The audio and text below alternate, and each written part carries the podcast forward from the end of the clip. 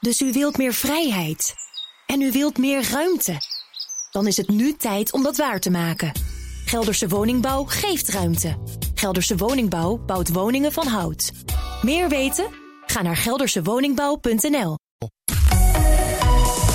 BNR Nieuwsradio. The Big Five. Art Rojakkers. Welkom bij BNR's Big Five van de tweede golf. Fijn dat je luistert. We hebben lang geprobeerd die tweede coronagolf tegen te houden... maar we zitten er nu middenin. Hoe nu verder? Hoe komen we hieruit? En hoe voorkomen we dat we er straks ook nog eens een derde golf overheen krijgen? Vandaag de gast Ira Helsloot, hoogleraar besturen van veiligheid... aan de Radboud Universiteit. Goedemorgen. Goedemorgen. We beginnen met drie stellingen. Mag u met ja of nee op antwoorden? Het coronabeleid van de overheid kost levens. Ja. Een vaccin is cruciaal om een eind te maken aan deze crisis. Nee. Terecht dat we ons zorgen maken om het snel stijgend aantal coronabesmettingen. Nee. Kijk, dat is één keer ja en twee keer nee. We zitten midden in de tweede golf. Als we dan bij die laatste stelling, hè, die stijgend aantal coronabesmettingen... 8000 besmettingen is het zo'n beetje nu per dag. Hoe, hoe ernstig is deze tweede golf wat u betreft? Nou ja, Kijk, voor mij is het aantal besmettingen niet zo relevant. Hè. Als je gaat kijken eh, naar het aantal besmettingen in Nederland voor uh, alle aandoeningen van de bovenste luchtwegen, kun je op niveau site gewoon controleren. Dan zie je dat dat het patroon volgt van elk jaar. Corona is daar dan nu één van. Hè, en is nu een vrij dominante. Elk jaar is er een andere dominant. Er zit longontsteking in, pneumonia, pneumonia nou noem het allemaal maar op. Um, en dan zie je nu dat dat uh, uh, corona is en dat het in de herfst... ja, weet je, dat wisten we vroeger ook al. Dan worden we met z'n allen verkouden. Uh, dat gebeurt nu ook. Hè. Dus dat op zich is niet zo verontrustend. En dat is ook heel erg ingewikkeld om dat tegen te houden. Hè. Dat is nu eenmaal de herfst. De vraag is wat het betekent voor uh, de belasting van de zorg. Dat was ooit wat we zeiden, die moet niet overbelast worden. Nou, daar zitten we echt nog ver vanaf. Hè. Ooit moest, ging het over die maximale IC-capaciteit. 1500 bedden hadden we toen over? Uh, ja, Precies, uh, ja, IC-plekken hadden we ja, over. Uh, en, en, daar, uh, niet bedden, want daar hebben we er nog veel meer van. Mm -hmm. Nou, daar zitten we allemaal nog ver vanaf. Ehm, we hadden in maart natuurlijk ook een exponentiële stijging. Hè. Dat is echt een mooie uitbraak, althans mooi in de zin van de theorie. dat hebben we nu ook allemaal niet. Ehm, eerder een soort plateauniveau. Dus, dus ja, het is wel... We hebben het natuurlijk, corona. Uh, maar de, de, de, ja, je, mijn stelling is, eh, daar moet je ook mee leren leven. Wij gaan hier niet verstandig beleid kunnen uitvoeren, kunnen neerleggen. Um, wat corona de wereld uithelpt. En, en zorgt dat wij toch met elkaar kunnen blijven leven. En, eh, en niet de enorme negatieve effecten. Maar het, het, aantal besmettingen loopt op. Het aantal ja. ziekenhuisopnames loopt op. Ik uh, zag gisteren Ernst Kuipers. Die zat bij Nieuwsuur te vertellen. Ja, we moeten de zorg nu al met 20% afschalen. Als het zo doorgaat, gaan we misschien wel naar 75% van de zorg die we moeten afschalen. Ja, als het zo doorgaat, zeker. En als het dan nog verder gaat, dan gaan we 100%. Dat is een vrij lege uitspraak, zouden we als, als wetenschappers zeggen. Um, lege uitspraak, maar hij liet er een grafiek bij zien. Dan ja, ben ik meteen ja, als alfa onder de indruk. Ja, nee, precies. Maar dat is de extrapolatie van wat er nu gebeurt. Uh, dus de vraag is uh, natuurlijk of dat zo doorgaat. En ik zie daar helemaal geen enkele aanleiding om aan te nemen. Maar dan nu al 20% van de zorg die afgestraald wordt. Ja, maar dat heeft twee redenen natuurlijk. A, is het vanzelfsprekend dat we meer, mensen met, met corona... net zoals normaal, hè, meer mensen met aandoeningen naar het ziekenhuis gaan. Um, en het tweede, uh, dus dat is, dat, is, dat is logisch. We hebben ook een grote griepgolven gehad. Hè. Dan heb je ook dat de hele zorg afgeschaald wordt. We hebben ook een meneer Gommers gehad... die dan zegt, uh, komt dan in de media, maar dan op pagina 5 van de krant... en dan zegt hij, het is zo druk dat de IC-verpleegkundigen... hun lunch niet meer kunnen opeten. Um, hè, maar dan, dan, dan hebben we het er niet zo over. Uh, maar het specifieke punt hier, wat Ernest Kuipers uh, uh, maakt, ehm, namelijk die capaciteitsdruk van corona, komt ook omdat we ook in ziekenhuizen veel strenger omgaan, veel strikter omgaan met corona dan we met de normale griep doen. Hè? Dus als je normaal met met longontsteking in een ziekenhuis komt, een jaar geleden... dan zat daar niet helemaal dat hele circus omheen van, van, van witte pakken en, en, en, duizend mondkapjes. Dus nu we wel? behandelen nu wel. We behandelen nu corona alsof het nog de corona is die we in januari dachten in China te hebben aangetroffen. En niet een corona die voor, ik zeg, bijna iedereen vergelijkbaar is met griep. Hè. Corona, het is toch echt wetenschappelijk onomstreden, is een ziekte voor hele oude kwetsbare mensen. Die gaan daar die hebben daar een groot risico en kunnen daar ook aan doodgaan. Ja, maar die komen dus in een ziekenhuis terecht. Nou ja, als je dus verplegend personeel hebt dat bijvoorbeeld nu klachten heeft, die worden dan ook naar huis gestuurd, omdat ze anders nou ja, mensen in gevaar kunnen brengen. Ja, maar dat doen we normaal dus niet. Normaal als, als je, gaan wij niet een hele afdeling van een ziekenhuis gaan wij als daar een grieppatiënt is, zeggen we niet we gaan uit voorzorg die hele afdeling naar huis sturen. en die moet eerst maar eens een tijdje die tien dagen in thuisquarantaine zitten. En daarna mag het verplegend personeel weer terugkomen. Ja, dit is wel een hele zware belasting van de zorg. Um, en dat, Waarom we dat nou precies doen, nou, dat moet maar aan andere gasten vragen. Maar daar zit niet een hele goede uh, ratio meer achter. Hè? Want dat... corona, de corona die we nu kennen... want je zei net eh, in een bijzin... de corona die we dachten in China te kennen... die was dodelijker dan? Ja, de corona in januari... de eerste cijfers die de Chinezen rapporteerden... was dat we een virus hadden met een, een, een letaliteit van 3,6 procent. Hè? Dat er echt gewoon 3 eh, procent ruim van iedereen die het zou krijgen... zou overlijden. En daar hebben we, dat, dat was natuurlijk echt ontzettend schrikken. Daar hebben we ook zo'n jonge dokter gezien, weet je wel die, die, die klokkenluider. ja, precies, die er ook aan ehm, overleed. Maar waar zitten we nu dan op? Niet meer op die 3%? Nee, als, als je kijkt naar, uh, wat dat heet dan netjes de IFR, Infection Fatality Rate... Uh, die, zit, die zit in de buurt uh, van 0,023 procent. Dus dat is echt heel laag. In, althans, ja, heel laag. Dat is vergelijkbaar met een zware griep. Um, maar dan, dus, en, en, en dus dodelijk voor mensen boven de 70... die, die, die niet gezond zijn, die kwetsbaar zijn. Dus zie ik nu eh, in het nieuws dagelijks die 8000 besmettingen per dag. Er zijn dagelijks berichten over. Maar we berichten over iets dat niet ernstiger is dan de griep? Nou, we berichten over iets wat voor bijna iedereen niet erger is dan de griep. Uh, wel als je oud bent. Hè. Dus dat ook hele, ik zeg ook studies in de Lancet en zo. Hè. Dus echt de grote bladen. Uh, maar moet ook van de week maar weer vragen. Er is volgens mij geen discussie over in de wetenschap uh, dat de, uh, de, de, de, de mortaliteit, dus de, je gaat dood aan uh, ook het aantal mensen wat in de samenleving doodgaat aan corona hangt direct samen met de leeftijdsopbouw. Je gaat vooral oudere mensen, kwetsbare oudere mensen gaan dood. En in het algemeen zijn dat ook mensen die, die ook volgens CDC 2,6 comorbiditeiten, uh, nou ja, goed, andere hè, ernstige aandoeningen onder de leden hebben. Als jij 70 bent en je bent gezond, dan loop je ook heel weinig risico door, uh, door corona. corona... Maar, zitten we dan, maar zitten we dan, als ik zo naar je luister, zitten wij in een soort massapsychose? Maken we ons druk om iets waar we ons helemaal niet druk om hoeven te maken? Uh, nou ja, ja, we zitten in een massapsychose. Punt. Uh, als ik aan mijn studenten vraag. En dat is ook door de overheid is dat bewust zo neergezet. Hè? Dus bijvoorbeeld door het inzetten van al die influencers en zo. Wij moeten uh, bang zijn omdat mensen die, die natuurlijk ook op zich het beste voor ons uh, voor hebben, maar alleen maar kijken naar corona en niet naar de enorme schade op de samenleving, die willen graag dat wij bang zijn, zodat we ons beter aan de regels houden. Nu heb je het over het OMT bijvoorbeeld. Ja, dus het OMT, uh, maar ook de uh, minister uh, van Volksgezondheid. meneer Rutte zelf, hè, die heeft ook gezegd, toch publiekelijk net... Nee, we moeten het niet hebben over of de maatregelen verstandig zijn in talkshows. We moeten het alleen maar over hebben hoe erg het coronavirus is. Hè. Dus ik, ik noem dat coronaporno. Coronaporno corona-porno en risicoporno. Eh, in de zin dat als je uh, uh, een risico hebt, hè, dan ga je alleen maar focussen op hele kleine aspecten van het risico. Dan haal je een slachtoffer naar voren. Die komt in alle media naar, aan bod. Uh, er komt een aspect, dat het op je hart kan slaan. Uh, wordt heel erg, corona in dit geval, wordt heel erg opgetild. En er is niemand die uitzoomt uh, in, in, in de media of in, in onze experts. En het, totale plaatje laat zien. En dat totale plaatje, ja, dat is dan niet zo opwindend meer. Uh, dat... En niemand doet dat behalve Ira Helsloot? Nou ja, ja uh, gelukkig uh, zijn er heel wat andere wetenschappers die dat ook doen. Maar dus, dus ook echt hele grote wetenschappers. Ik ben, weet je, ook iemand die, die, die dat John Ionassus, weet je wel, die heeft geloof 10.000 plus citaten voor corona over infectieziektebestrijding.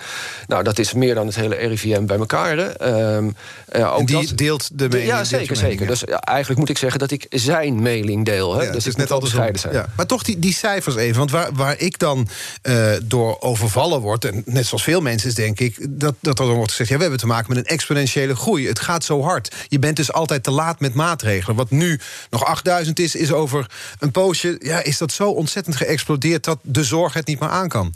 Nou ja, dat, als dat zo zou zijn, dan zouden wij een probleem hebben. En dat was overigens wat we in maart even zagen gebeuren. Hè. Uh, en overigens toen ook al vrij snel een plateau. maar wij weten dat dat niet zo doorgaat. Kijk naar India, om maar even een mooi voorbeeld te noemen. India is, is in eerste instantie, toen het daar aankwam, corona, hebben ze ook een lockdown, een harde lockdown. Hebben ze na drieënhalve week in moeten trekken. omdat land failliet gingen. Wij hebben heel veel geld. We hebben 80 miljard aan dit uitgegeven. Dan gaan we misschien nog een keer 80 miljard. En dan kunnen wij het ook niet meer betalen. Maar nu kunnen we het nog betalen. India kon dat niet betalen. En daarna is dus corona, uh, uh, nou ja, loose in India. Uh, en daar zit sinds 25 september of zo, zeg ik uit mijn hoofd... is daar ook het aantal coronaslachtoffers aan het zakken. Zonder beleid. Met andere woorden, beleid heeft eigenlijk geen enkele zin? Um, nou ja, dat is een tweede. Hè. Uh, mijn punt nu was, er is gewoon een plateaufase. En daarboven uh, gaat neemt die groei niet toe? Neemt die groei niet toe, neemt het vanzelf af. Hè. Dan mhm. heb je dus groepsimmuniteit, een vorm van groepsimmuniteit. En dat is ver beneden die 60% van oude wiskunde. Um, een heel ander punt is of lockdowns helpen. Nou, een studie ook in de Lancet, en dat is echt een heel erg pro-corona-tijdschrift. We moeten alles doen om corona uit de wereld te krijgen. Zo'n soort OMT-tijdschrift. Um, maar daar is ook net een grote overzichtsstudie verschenen, um, alweer een maand geleden. Uh, waarin uh, de auteurs, die ook heel erg dus tegen corona zijn, maar niet een effect kunnen laten zien van lockdowns op de verspreiding van corona. En eigenlijk kun je dat ook wel weer voor een deeltje begrijpen. Uh, ja, natuurlijk, als je met z'n allen uh, drie weken in één huis blijft zitten, in je eigen huis, dan is corona even weg. Uh, maar ja, je moet toch een keer naar buiten, om, op de supermarkt, et cetera. Dus die interactie, die blijft dan toch doorgaan. Ehm, dus dat soort beleid heeft, heeft, heeft weinig effect, begrijp ik van je. Dus dat zeg je. En dan hoor ik tegelijkertijd in het nieuws hier van BNR... Uh, horen we zeggen dat het Red Team, dat is het, het team dat het OMT kritisch volgt... zegt nee, we moeten de sluiten. Want dat zijn nu zulke infectiebronnen, dat het loopt uit de hand. We moeten, daar, we moeten ze dichtgooien. Nou ja, ik, ik, als ik één ding over dat Red Team zeggen. Op 3 juni zeiden ze, juli, sorry, juli, zeiden ze... we moeten binnen drie dagen moeten de, de overheid het land in een lockdown gooien. Want anders vindt er onherstelbare schade plaats. Die drie dagen zijn voorbij gegaan. Hoe kan iemand ze nou ooit nog serieus nemen? En nu voor die scholen. Hè? Wij weten al wat deze eerste schoolsluitingen... voor een enorm negatief effect heeft gehad... op het welzijn van kinderen. En op de mogelijkheden en de gezondheid van kinderen... die uh, uh, vooral uit armere uh, ik zeg klassen... die daar de rest van hun leven schade aan door oplopen. Um, dat is nou wat mij nog echt wel boos maakte. En dan gaan een paar van dit soort jongens en meisjes eh, die zelf allemaal natuurlijk van een heel andere uh, sociale klasse zijn. Die allemaal gezellig uh, een, een hoog inkomen hebben en zo. Die gaan even dit, dit uit de losse pols roepen. Nou ja, en, en jullie media, hè, ik Spreek maar aan, ja. die, die nemen deze onheilsprofeten... die dus aantoonbaar in jullie ongelijk hadden... Hè, met hun drie dagen, nemen jullie nog steeds serieus... en geven jullie een platform. Kijk, ja. nog, morgen is Wim Schellekes van het Red Team hier te gast. Ja, nou, en de vraag meteen aan hem is dan... Hè, hoe kan hij, want hij was van de inspectie Volksgezondheid... Hè, volksgezondheid, niet infectieziektebestrijding. Hoe kan hij nou verantwoorden dat zijn team adviseert om scholen dicht te gooien met het aantoonbare bewezen, hele hoge negatieve effect op de volksgezondheid, op de gezondheid van die kinderen, terwijl die kinderen zelf geen enkel risico lopen door corona? Hoe kan hij die afweging nou maken? Ja, het zal om de docenten gaan, maar we gaan het morgen gaan we het voorleggen. The Big Five. Art Rojakkers. Deze week vijf kopstukken over de tweede golf. We begonnen de week met sociaal psycholoog Naomi Ellemers. Later deze week spreek ik, spreek ik dus morgen, om precies te zijn... met Red Team-lid Wim Schellekes. Daarna komt viroloog Marion Koopmans. En vrijdag is hier IC-baas Diederik Gommers. En vandaag de gast Ira Helsloot, hoogleraar besturen van veiligheid. Ja, onze redacteur die, die belt dan rond hè, van tevoren met mensen of ze willen komen en houdt voorgesprek. En een van de gasten van deze week zei toen wij vertelden dat u zou komen: Ja, Ira Helsloot, die ontkent alles. Nou, ik vraag me dan af wat ik ontken. Uh, en alles wat ik ontken, dat doe ik alleen maar als anderen. Uh, als, het, als het tien keer gepubliceerd is in, de, in een wetenschappelijk tijdschrift. Ik maak mijzelf helemaal niet wij. Ik ben geen viroloog. Ehm, dus ik eh, kan alleen maar eh, jatten, zal ik maar zeggen. Hè? Of wij wetenschappers zeggen dan... mij baseren hè, op de... Op citeren de, heet het volgens mij de body of knowledge, staan op de schouders van anderen. Ehm, er is toch corona, dat uh, ontken ik niet. Daar gaan mensen aan dood, dat uh, ontken ik niet. Die sterftecijfers zijn gewoon internationaal gepubliceerd. Um, wat, wat kan ik nou ontkennen? Ik, ja, ik weet dus echt niet. Dat zou, dat, nou, we hebben wel eerder natuurlijk een krant heeft eens een paar keer, of twee kranten hebben geprobeerd om een interview, een soort twistgesprek te krijgen met mij en een uh, lid van het OMT. Nou, dat wilden die OMT'ers ook niet aan. Um, ja, kijk, het is altijd het verschil. Ik noem dat de blauwe boskebouterdeskundige. De blauwe boskebouterdeskundige? Ja, als jij, uh, je hoopt dat een politicus, een bestuurder verantwoordelijk is voor het bos, als een boswachter. En het is een bos met bomen, met beesten en met blauwe boskabouters. En dan heb je een probleem met de blauwe boskabouters. En dan vraag je de blauwe boskabouterdeskundige om een advies. En dan weet je op voorhand wat dat advies is.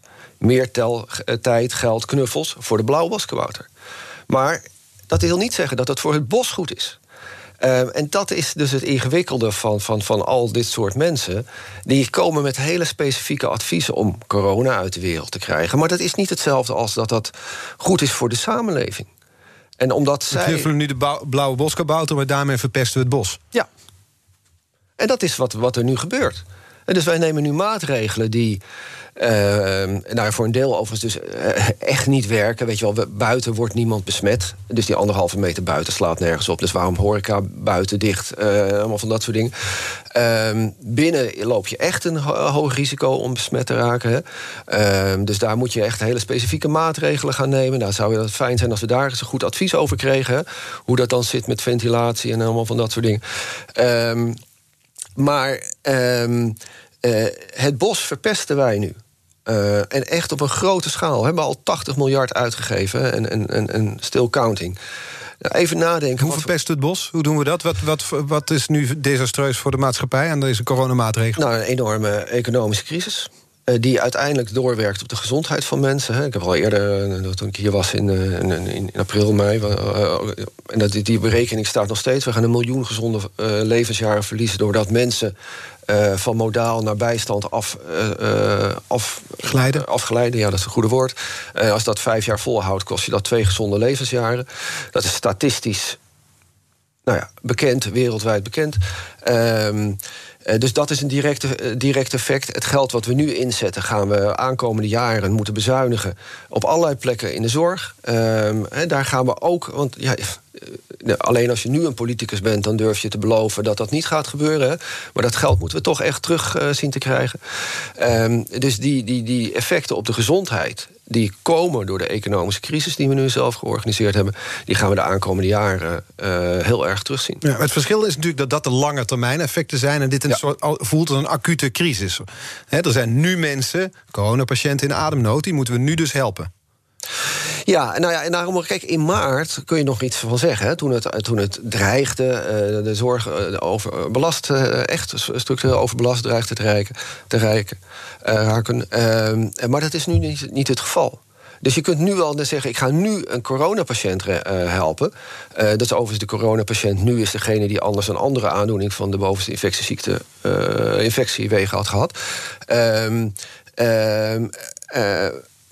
maar er zijn zoveel. Dat is, we, hebben, we hebben nu zeg maar even 20, 30 max uh, coronadoden per dag. We hebben 450 doden in Nederland door andere oorzaken.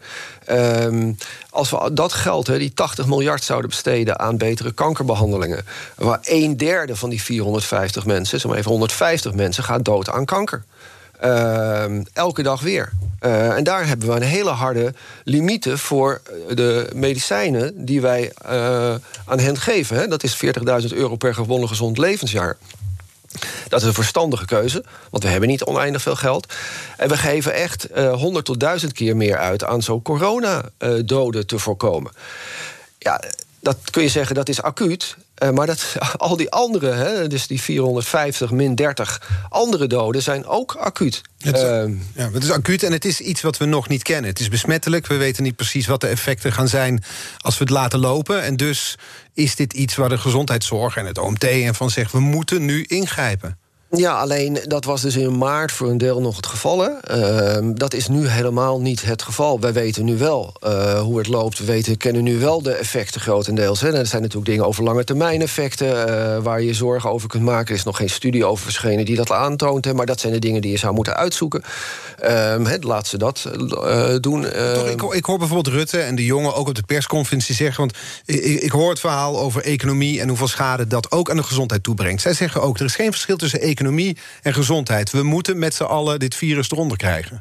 Ik ben het totaal eens. Er is geen verschil tussen economie en gezondheid. En als je je economie naar de Filistijnen helpt... help je de gezondheid naar de Filistijnen. En dat is wat er nu gebeurt? En dat is wat er nu gebeurt. Uh, dus ik, ik, ik, alleen, ja, zij zien... Uh, zij richten zich dus door op een op. Ik bedoel, hoe verdrietig ook is, een, een klein probleem in onze samenleving. En, corona is een klein probleem. Ja, corona is een klein probleem vergeleken. Hè, als je dat nu bekijkt met wat we nu weten, vergeleken met alle andere uh, problemen in onze samenleving. Hè, met al die uh, mensen die doodgaan aan kanker. Al die, nou ja, weet je, niet al te kort geleden dachten we nog dat we heel veel moesten doen aan klimaatverandering. Want dat was een enorm groot risico die 80 miljard hadden we onze hele energietransitie. Hè? Dan hadden we aankomende generaties mee een, een, plezier kunnen doen... Hè? als je daarop had gefocust. Um, dus, dus ja, ik vind dat echt onterecht om. Uh, uh, ja, het is alleen maar semantiek om dan te zeggen. Uh, er is geen verschil tussen economie en gezondheid. En dus moeten we op corona. Nee, dus moeten we niet op corona focussen, maar op op een proportionele inzet van onze middelen. En als ze dat zo belangrijk vinden, dan hadden we echt in de zomer ons echt veel beter kunnen voorbereiden. Hè. Dus ik noem maar even één punt wat, wat ik echt heel slecht vind dat we dat niet gedaan hebben. Um, en een aantal andere landen wel gedaan hebben. Uh, we wisten dat die tweede golfje zou komen. Hè? Tweede golf, tweede golfje zou komen. Daar hadden we dus een aantal, dat heet dan categorale ziekenhuizen, aparte ziekenhuizen voor kunnen inrichten. Dat had betekend dat we die andere ziekenhuizen niet al die ingewikkelde uh, voorzorgsmaatregelen hadden moeten nemen. Die hadden we mensen uh, specifiek kunnen helpen in zeg maar even twee of drie landelijke ziekenhuizen. Niet gebeurd. Niet gebeurd. Vroeger hadden we dat hè, voor TBC, in de tijd dat dat echt veel gevaarlijker was. Was er een aparte opvang daarvoor? Aparte opvang, aparte ziekenhuis. En dat dat nu ook verschil kunnen maken? Ja. Vandaag de gast in BNR's Big Five van de Tweede Golf... is hoogleraar besturen van veiligheid Ira Helsloot. Hoe kijkt hij naar het leiderschap? Nou, we hebben er een gedeelte van gehoord in tijden van crisistijd. We bespreken er straks nog meer over, dus blijf luisteren. BNR Nieuwsradio. The Big Five. Art Rojakkers. Welkom bij het tweede halfuur van BNR's Big Five. Deze week vijf kopstukken over de tweede golf. Sociaal psycholoog Naomi Ellemers, die was hier gisteren. Oud-inspecteur van de volksgezondheid Wim Schellekes... en lid van het Red Team. Viroloog Marion Koopmans en Diederik Gommers. En vandaag de gast Ira Helsloot... hoogleraar besturen van veiligheid aan de Radboud Universiteit. En we hebben het al een half uur over de coronamaatregelen... de zin en vooral de onzin daarvan. Uh, terwijl premier Rutte in zijn laatste persconferentie zei... we hadden het er al kort over... we moeten niet blijven discussiëren over die maatregelen. Hij zal niet blij zijn met een geluid zoals dat van, van jou. Nee, zeker niet. Hij heeft toch ook opgeroepen dat types als ik niet in talkshows meer moeten komen en zo, toch? Dus dat heeft hij. Uh... En overigens luisteren redacties ernaar. Hè? Dus dan ik, ik, uh, er is een discussie. Zijn uitnodigingen nu? Uh, ja, nee, zeker. zeker ja, ja, ja. En dat wordt ook eerlijk gezegd. Hè? Maar ook al voordat de meneer. de, de, de maar er wordt gezegd, zei... Rutte zei, we mogen. Nee, nee, nee. Dat, dat wordt gezegd. wij vinden als redactie dat we niet het standpunt van de regering te veel ter discussie moeten stellen. Wat voor redacties zeggen dat? Nou, van, van diverse kranten en diverse, uh, dus ook afdeling NPO en zo. Ja, dat, dat, dat dus op één, waar je normaal aan tafel zat, zegt nu... nee, dat gaan we, we gaan niet het overheidsbeleid te veel Op één heeft dat uh, ook gezegd, ja, de redactie van Op één. Ja. Ja, niet dat ik daar veel aan tafel ben geweest, hè, twee keer maar. Althans één keer in het begin en, en, nu, en nu één keer met Jort Kelder. Uh, dus de, de reguliere Op één zit helemaal niet te wachten... op, nou ja, op dit soort dwarse types. En dat is bij krantenredacties hetzelfde? En dat is bij krantenredacties hetzelfde, ja. Wat zegt dat? Nou, het zegt denk ik dat, dat ook journalisten, redacties uh, bang zijn. En zo bang. En dat, dat weten bang voor corona? Uh, bang voor corona, ja. Uh, ja. Voor de, voor en dat ze bang zijn en dus? Uh, en dus dat ze een soort zelfcensuur plegen... en ook een aparte visie ik zeggen, op de feiten hebben... En, en dus alleen feiten ook publiceren die passen bij hun visie. Dat is natuurlijk wat, wat, wat, wat iedereen doet. Hè? Als je eenmaal een frame hebt, dan zit je, kijk je vanuit dat frame. Hè? Dus daar moet ik mezelf natuurlijk ook mee oppassen. Uh, kan het zijn dat ik iets over het hoofd zie... Uh, waardoor ik hier iets loop te roepen... wat, wat de samenleving zou kunnen uitroeien? Nou moet je elke ochtend opstaan en je afvragen of dat het geval is. Want tot nu toe hoor ik weinig twijfel in je verhaal. Ik, nee, uh, dat, dat, uh, uh, die is er niet. Die, die heb ik niet. En, want ik zie echt geen feiten die, die mijn verhaal ter discussie stellen. Hè. En, en, en de kern van mijn verhaal is hè, dat zelfs al zou corona tien keer erger zijn dan nu. Hè, Um, zou het dus echt iets zijn als die 1918-griep of zo. Hè? Um, zelfs dan zou je moeten constateren als samenleving dat je de maatregelen die we nu hebben ingezet niet zou moeten nemen. Omdat het negatieve effect daarvan zoveel groter is dan het positieve effect. En die negatieve effecten zijn dan de lange termijn effecten. Ja. Die zijn economische schade en daardoor ook gezondheidsschade. Ja. ja. Ja. Want mensen glijden af. Precies. Van, uh, van modaal niveau hadden het over naar bijstandsniveau. En dat kost levensjaren. Ja, precies. Uh, dat is het effect. Dus we gaan het de andere kant op redeneren. Stel, jij krijgt vanaf nu de baan van Mark Rutte. Maar dan met de macht van Vladimir Poetin. Ja. Je mag er alles mee doen. Hoe, hoe leid je ons land door deze corona ja, ik noem het dan toch crisis, maar volgens mij ja, ja. door dit corona-hoofdstuk heen. Ja, het is een crisis natuurlijk. Uh, nou ja, ik hoop dat ik dan uh, zou zorgen A voor een breed palet aan uh, adviseurs. Hè, breder dan alleen maar de infectieziekte-deskundigen. Ehm, dat ik naar buiten zou durven gaan en zou zeggen tegen de samenleving: let op. Um, hier gebeurt iets vreselijks. En wij uh, moeten dat met elkaar uh, zien te verwerken. Maar wij gaan uh, door moeten gaan. Want wij moeten het geld met elkaar verdienen. Om te zorgen dat de volksgezondheid op peil blijft. En veel meer insteken op de bescherming van kwetsbare mensen. In plaats van restricties aan de algemene samenleving. Um, Hoe doe je dat? nou ja, het begint natuurlijk met dingetjes als die nu pas verplicht zijn weer. Hè, de, de, de, aparte uren voor, voor, voor kwetsbare personen in de supermarkt. Maar het zou. Kijk, als je echt heel wild bent, hè, dan zeg je van iedereen wordt verplicht vrijwilliger om boodschappen te doen voor een kwetsbare. Uh, dat zijn heel andere. Ik noemde ook al het voorbeeld van het. Uh, we gaan de kwetsbaren, dat zijn dus de ouderen, dat zijn de zieken, die gaan we ophokken. Uh, nou ja, daar, nou, antwoord is ja voor een deel. Hè, om daar, ehm, wat ze dus nu ook voor een, een deel al doen. Ehm, maar niet als ze dat niet willen. Um, en natuurlijk moet je dus over nadenken. De, de, bescherming is, is niet dat je wat we nu hebben gedaan. Hè, het verzorgingshuis dicht. Uh, ik ben, ben oud, ik kan mijn bed niet uit. En het enige wat ik dan krijg is een verpleger... Uh, met, die natuurlijk zijn best doet, met mondkapje en pak aan. Maar kinderen en kleinkinderen krijg je niet te zien? Nee, en dan is dat de vraag. Hè, en wij hebben uh, daar, daar ook gesprekken mee mogen voeren. die mensen zeggen, ja weet je, doe mij nou gewoon mijn, mijn kinderen en mijn kleinkinderen. want dat is de zin voor mijn leven. Ik weet dat ik in dit verzorgingshuis terecht ben gekomen omdat ik gemiddeld nog maar anderhalf jaar leef. Uh, waarom mij, dus dat ophokken, uh, dat, dat, dat, daar ben ik niet voor. Uh, maar ik vind, vind dat mensen wel, als ze dat willen, beschermd zouden moeten worden. En dat we daar als samenleving meer voor zouden kunnen doen. Okay, dus dat is één maatregel. Aan de ene kant, we gaan kwetsbaren gaan we dus. en ouderen gaan we, nou, ik noem het toch maar even ophokken. We gaan ze apart zetten zodat zij niet besmet kunnen raken. Als ze, dat als ze het willen. En als ja. ze dat niet willen, dan kunnen ze hun kinderen, kleinkinderen, mensen blijven zien. Ja, en dan lopen ze dus een grotere kans om te overlijden. Maar die zitten allemaal is... samen in een verzorgingshuis. Hoe hou je dat bijvoorbeeld al uit elkaar? Nou ja, daar zitten, da, da, ook daarvoor geldt natuurlijk weer... zijn wel een paar problemen hier uh, mee.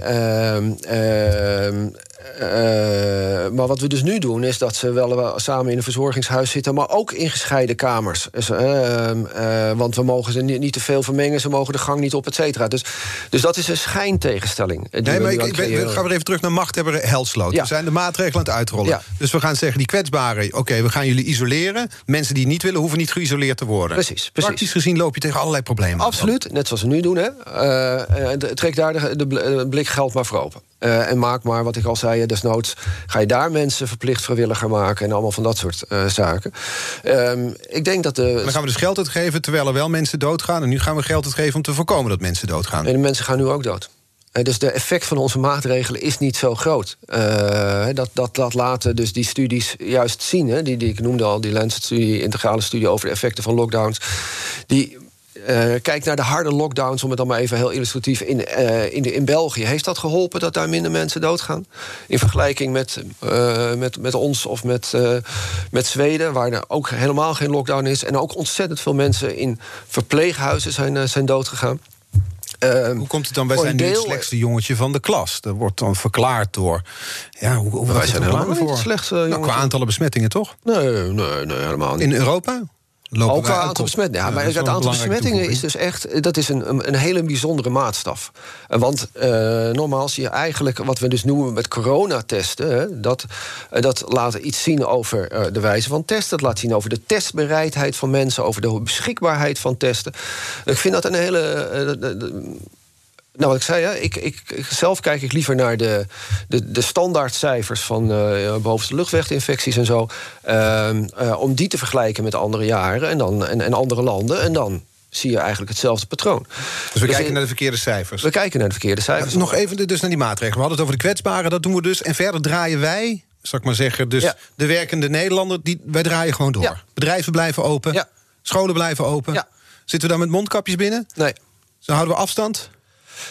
Um, nou, buiten in ieder geval niet, want dat heeft uh, geen zin. Hè. Binnen is, uh, is, is even, dat, nou, dat is dus ingewikkeld, want daar is geen wetenschappelijke eenduidigheid over wat nou het beste is. Hè. We hebben natuurlijk die discussie tussen, ik zeg maar even de aerosolen, hè, waar, waar dan in Nederland Maurice de Hond het op de agenda heeft gezet, maar ook wetenschappelijk natuurlijk die discussie is.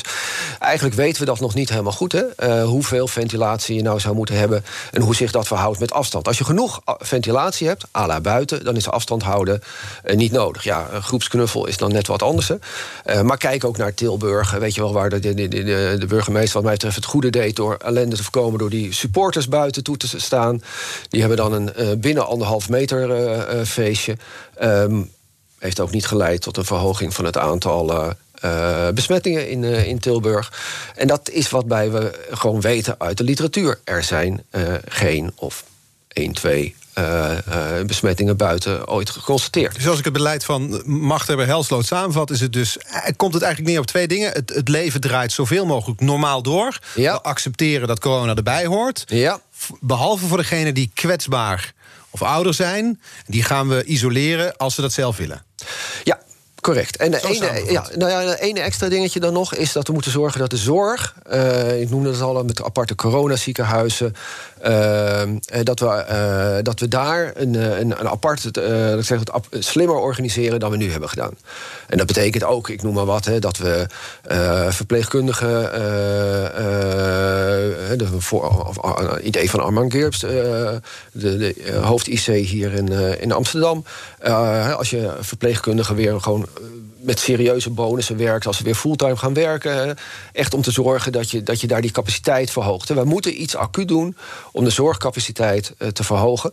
Uh, en specifiek ook om te zorgen dat de corona-zorgcapaciteit, niet de andere zorgcapaciteit, al zoveel mogelijk uh, dat voorkomt. Maar is het niet zo, want we hadden het over wat we allemaal wel weten uit onderzoeken, maar er is natuurlijk ongelooflijk veel wat we niet weten over corona. We gaan hier nu, wat is het? Hè? Het was in november, is het in China begonnen. het is minder dan een jaar dat we hiermee te maken hebben. Is het niet zo dat machthebber Helsloot neemt deze maatregelen... dat het dan gierend uit de hand loopt... omdat we er gewoon simpelweg nog zoveel niet van weten? Nou ja, de antwoord daarop is nee. Want er zijn landen wereldwijd, uh, kijk naar India... Uh, waar ze harde lockdown hebben gehad. Had, dat, dat, konden ze niet volhouden, lockdown ingetrokken. Daarna dus is uh, corona losgegaan. is nu ook het aantal coronadoden weer aan, het, aan het afnemen... en het aantal besmettingen. dus we weten, er is gewoon een grens. En dat komt omdat corona uiteindelijk gewoon een coronavirus is een kwaadaardige, een zware verkoudheid. Uh, net zoals je soms een hele zware griep hebt. Soms heb je de Hongkong-griep uh, en soms heb je de 1918 Spaanse griep. Uh, maar uiteindelijk is het een, een verkoudheidsvirus. En heeft het dus grosso modo dezelfde effecten als een verkoudheidsvirus, alleen veel erger. En dat blijkt het ook. Weet je, al die gedoe over die, die, dat aantasten van dat hart bijvoorbeeld, hè, wat dan ook nou ja, ja, lange termijn effecten. Lange termijn effecten. Ja, ja. Al weten we ook allemaal, uh, althans, ik weet het van het hart, ik, ik, weet het niet van de hersenen. Maar van het hart wisten we dat in maart al uh, dat dat zou uit onderzoek zou blijken. Want dat geldt voor elk coronavirus. Als je klein bent, uh, dan zegt je moeder altijd tegen je: ben je heel erg verkouden, moet je vandaag niet sporten. Het is slecht voor je, voor je spieren en voor je hart. Ja, dat is niet anders nu dan, dan voor een andere zware verkoudheid Dankjewel, Mark. BNR Nieuwsradio. The Big Five. Art Rojakkers. Je luistert naar BNR's Big Five van de Tweede Golf. Vandaag de gast Ira Helsloot, hoogleraar van besturen van veiligheid aan de Radboud Universiteit. En de afgelopen tien minuten ook machthebber Helsloot. Hij had de baan van Mark Rutte, maar dan met de macht van Poetin. We hebben allerlei maatregelen gehoord, waarbij die eigenlijk samengevat neerkomen op zorgen dat de zorg op peil blijft. De samenleving draait door en we gaan de kwetsbaren gaan we beschermen. Dat is compleet anders dan wat we vanuit Den Haag horen. Wat, hè, daar is de hamer en de dans nu. Uh, we zitten weer in een beperkte lockdown. Waar wordt dat, wat is de motivatie dan, denk jij? Van, van, is het politieke angst voor sterftecijfers? Of wat, wat zit er achter dat beleid? Ja, dat, ik, ik denk dat dit inderdaad angst is. Um, en en um, Kijk, we, kennen dit eh, op zich bij heel veel andere risico's ook. Hetzelfde mechanisme dat een klein risico uh, wordt opgetild, dat het in de media veel aandacht krijgt, dat het daardoor politiek veel aandacht krijgt, dat er daardoor experts die van dat risico verstand uh, hebben vooral gevraagd worden, die komen met adviezen uh, waarin ook altijd een soort van doemscenario zit. als je dit niet doet, dan gaan er mensen aan dood. Dan voelen de, de bestuurders in het land, de ministers, et cetera, voelen zich genoodzaakt om dat uit te voeren. En zo krijg je een soort van cirkeltje. Wat meestal, ik zeg na een paar maanden of zo, verdwijnt. En dan krijg je weer redelijk beleid. We hebben het bijvoorbeeld bij het asbestbeleid gehad. Wat dat uiteindelijk zouden we voor 3 miljard asbestdaken gaan saneren... waar een effect had van 0,0001 uh, slachtoffer per jaar. Uh, voor 3 miljard. Nou ja, uiteindelijk peanuts vergeleken met wat we nu doen, nu doen. Dat is uiteindelijk ook zo'n cirkel geweest die in de Eerste Kamer gestopt is. Uh, dus, deze cirkel stopt maar niet. En deze cirkel stopt maar niet. En dat, uh, dus de, dat heeft te maken dus ook met de media, ook misschien met sociale media. Ja, Jurgen ja. gaat het straks hebben over het nepnieuws. Gisteren was hier te gast uh, sociaal psycholoog uh, Naomi Ellemers. En ze had deze kettingvraag voor je.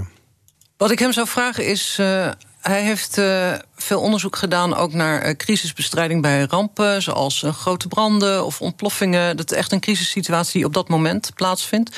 en hij heeft daarover ook in zijn onderzoek geschreven dat de sociale media een goede rol daarin kunnen spelen. Bij mensen informeren wat er aan de hand is, bij mensen helpen om om te gaan met die situatie ik vraag me af hoe hij dat ziet uh, wat betreft de overeenkomsten en de verschillen met de situatie die we nu hebben. Het is niet een soort eenmalige, onduidelijke situatie. Het is toch een soort meer langere uh, termijn probleem. Of dezelfde regels die gelden voor zo'n eenmalige crisis ook hier opgaan, of in welke opzichten dat anders is. En vooral of de rol van de sociale media hierin anders zou kunnen zijn dan wat hij geschetst heeft. Ja, dus de rol van de sociale media, is die anders nu dan in een korte, eenmalige crisis, zal ik maar zeggen? Ja, dat is een ontzettend goede vraag... waar ik ook niet een echt heel pasklaar antwoord op heb. Uh, voor een deel is hij met dezelfde mechanismes. Hè, tot en met het feit dat als je gaat kijken... dat we hebben ook wel uh, bijvoorbeeld bij rampen tweets zo geanalyseerd... dan zie je toch dat de helft van de tweets grapjes bevatten is nog steeds zo. Als je kijkt maar wat je lang ziet komen aan corona-grapjes. En je liet me er zelf één uh, zien. Um, dus een aantal van dat soort dingen is hetzelfde. Maar er is één, één lijkt mij, uh, groot verschil. En dat is um, dat hier sprake is van een diepere angst in de samenleving. Hè, in vergelijking met de, de, de, de Waarbij iedereen ook weet dat het afgelopen is. En een, een, een betere risico-inschatting heeft hier is de risico-inschatting van de samenleving is echt uh, mis. Uh, we denken allemaal dat er veel meer risico ja, is dan het daadwerkelijk ja, is. Ja, dus dat, een heel klein voorbeeldje. Deed met 50 studenten deed ik even een, een mini-experimentje. moesten aangeven of ze voor hen als student... of het uh, coronavirus 10, 100 of 1000 keer gevaarlijker was dan griep. Um, een gewone zware griep. Uh, zware griep heb ik er zelfs bij gezet. Uh, en de meerderheid uh, dacht honderd keer. En heel veel dachten ook duizend keer. En er was niemand die zijn vinger opstak, zijn elektronisch vinger, want alles moet online. En zei: Ja, maar meneer, dit klopt helemaal niet. Want dit goede antwoord zit hier niet bij. dit is voor ons minder gevaarlijk dan een gewone zware griep. Met andere woorden, ze overschatten het allemaal. Ze overschatten het. En dat zit ergens. Die, die, zolang wij natuurlijk die, die, die overschatting, overigens bewust, hè, door. Nou, dat wil de regering ook graag. Dat heeft er Rutte ook gezegd. De focus op de, de gevaren van het virus, hoe erg het is. En niet op de maatregelen. Je haalde dat zelf al aan. We hebben influencers daarvoor ingezet om duidelijk te maken dat het gevaarlijk is. Ja, zolang ehm, eh, de samenleving echt ervan overtuigd is. En ik spreek echt heel veel slimme mensen die ook echt, echt bang zijn. Zolang we echt bang zijn, zal dat ook in de sociale media versterkt worden. En, en ja, zal het. eh, ehm, Blijven rondgaan. De ja, cirkel zal precies, niet precies, ja. En hoe gaat dat nu verder dan? We zitten nu dus in een tweede golf of golfje. Ehm, maar daar, daar komen natuurlijk nog golven achteraan, kan ik me zo voorstellen. Hoort corona er straks gewoon bij? Zitten we met z'n allen te wachten op een vaccin? Nou ja, dat was een van jouw eerste vragen, eh, waar ik nog even over moest nadenken. Is, zit, is, is vaccin het, eh, het einde? Ehm, nou, dat zou niet het einde hoeven te zijn. Ik denk dat, eh, dat eh, nou ja, nou, ik noem even maar het voorbeeld van Zweden of, of, of arme landen die helemaal geen mogelijkheid hebben, waar het gewoon over is, het coronabeleid, zal ik maar zeggen. En, en, en, het, eh, en, en weer gewoon moeten doen. Ehm, eh, dat zou mijn dus optie zijn. Hè? Eh, maar ik denk dat wij wel heel erg behoefte hebben aan een soort symbolische aflaat. En zo'n eh, vaccin zou er één kunnen zijn. Op het moment dat we een vaccin hebben, een werkend vaccin. Dan kunnen we een streep onder dit Dan kunnen we er een streep onder zetten. Hoewel het is in feite, we hebben dat met Mexicaanse griep gezien. Hè, het zullen heel weinig mensen zijn die dat aparte vaccin gaan nemen. eh, vanwege ehm, eh, in dat geval de terechte risico-inschatting dat het vaccin wel net zo gevaarlijk kon zijn als Mexicaanse griep. Ehm, ook zorgpersoneel die dat toen eh, niet nam, eh, dat vaccin. Eh, en ook toen gold dat als je echt heel erg kwetsbaar bent, dan helpt een vaccin weer niet, want is je immuunsysteem werkt niet. En dan helpt het ook niet om dat te prikkelen met een vaccin. Nee, dus, en dan hebben we straks dus zo- zo'n aflaat, zoals je het noemt. Dan komt er een streep onder dit verhaal. Ehm, en dan gaan we achteraf concluderen dat al die maatregelen... alles wat we, waar we nu middenin zitten, dat het voor niks is geweest? Ja, dat is mijn stellige overtuiging. Dat als we over vijf jaar terugkijken, dat we een hele serie aan wetenschappelijke artikelen krijgen. En eh, misschien nog wel eens eh, eh, een, een, een, nadat de onderzoeksraad heeft gepubliceerd, dat we ook nog een echt parlementaire enquête gaan krijgen. En dat we, zoals we zo vaak hebben geconcludeerd, ook in Nederland naar de Mexicaanse griep, hè, waar we een miljard hebben uitgegeven aan niks. Nou, een miljard is niks vergeleken met 80 miljard natuurlijk. Maar toen hebben we ook terugkijkend geconstateerd, was niet verstandig. Eh, moeten we niet weer zo doen? Moeten niet weer alleen vertrouwen op het OMT? hey, eh, hebben we niet echt van geleerd, hè? Ehm, eh, dus Dus dat, dat is wat ons te wachten staat over Ja, een aantal jaar. ja. Is Het- ja. Voorlopig zitten we nog middenin. Eh daarom ook deze week van de Tweede Golf. Morgen is hier dus de gast, eh, hij werd al kort ter sprake gebracht... Wim Schellekes, oud-hoofdinspecteur van de Volksgezondheid... en lid van het Red Team. Dus een club adviseurs naast het OMT. Ehm, ja, wat zou je willen vragen? Nou, ik formuleerde het net al, maar ik kan proberen het nog korter te formuleren. Hij is oud-inspecteur van de Inspectie voor de Volksgezondheid, hè, breder dan infectieziekten. Hoe kan het nou dat zijn team bijvoorbeeld nu adviseert om scholen te sluiten, terwijl die kinderen geen gevaar lopen door eh, corona, maar we wel weten dat er enorme negatieve effecten voor de gezondheid van die kinderen zijn als we ze eh, van school halen, eh, eh, thuis opsluiten. Hè, specifiek, specifiek natuurlijk voor de kinderen uit de sociaal kwetsbare klassen. Dan weten we dat hun hele leven eh, nou ja, een hele negatieve effecten daarvan hebben. Nou, hoe kunnen ze daarvoor pleiten? Ja, dat, het zijn geen koekenbakkers bij het Red Team. Dus dat zullen ze doen uit eh, eh, de motieven dat ze denken dat het iets oplevert. Ja, eh, zeker, want zij zijn degene die eh, willen dat er minder corona is. Eh, en zij hopen dat hierdoor minder corona zal, verspreiding zal plaatsvinden. Ehm, ik heb daar nog geen bewijs voor gezien. Maar de andere effecten die maar die andere effecten die zijn echt bewezen en, en die negeren ze. Dank voor dit eh, afgelopen uur, Ira Helsloot. Dank voor de komst. Eh, deze aflevering van BNR's Big Five is natuurlijk terug te luisteren, net als alle afleveringen. De podcast is te vinden in de BNR-app en op bnr.nl. Morgen hier dus Wim Schellekes, oud-hoofdinspecteur van de Volksgezondheid... en lid van het Red Team, die we onder andere de kettingvragen... nog veel meer vragen zullen voorleggen. En nu hier Jurgen Rijman met Ask Me Anything. Tot morgen. Dus u wilt meer vrijheid. En u wilt meer ruimte. Dan is het nu tijd om dat waar te maken. Gelderse Woningbouw geeft ruimte. Gelderse Woningbouw bouwt woningen van hout. Meer weten? Ga naar geldersewoningbouw.nl.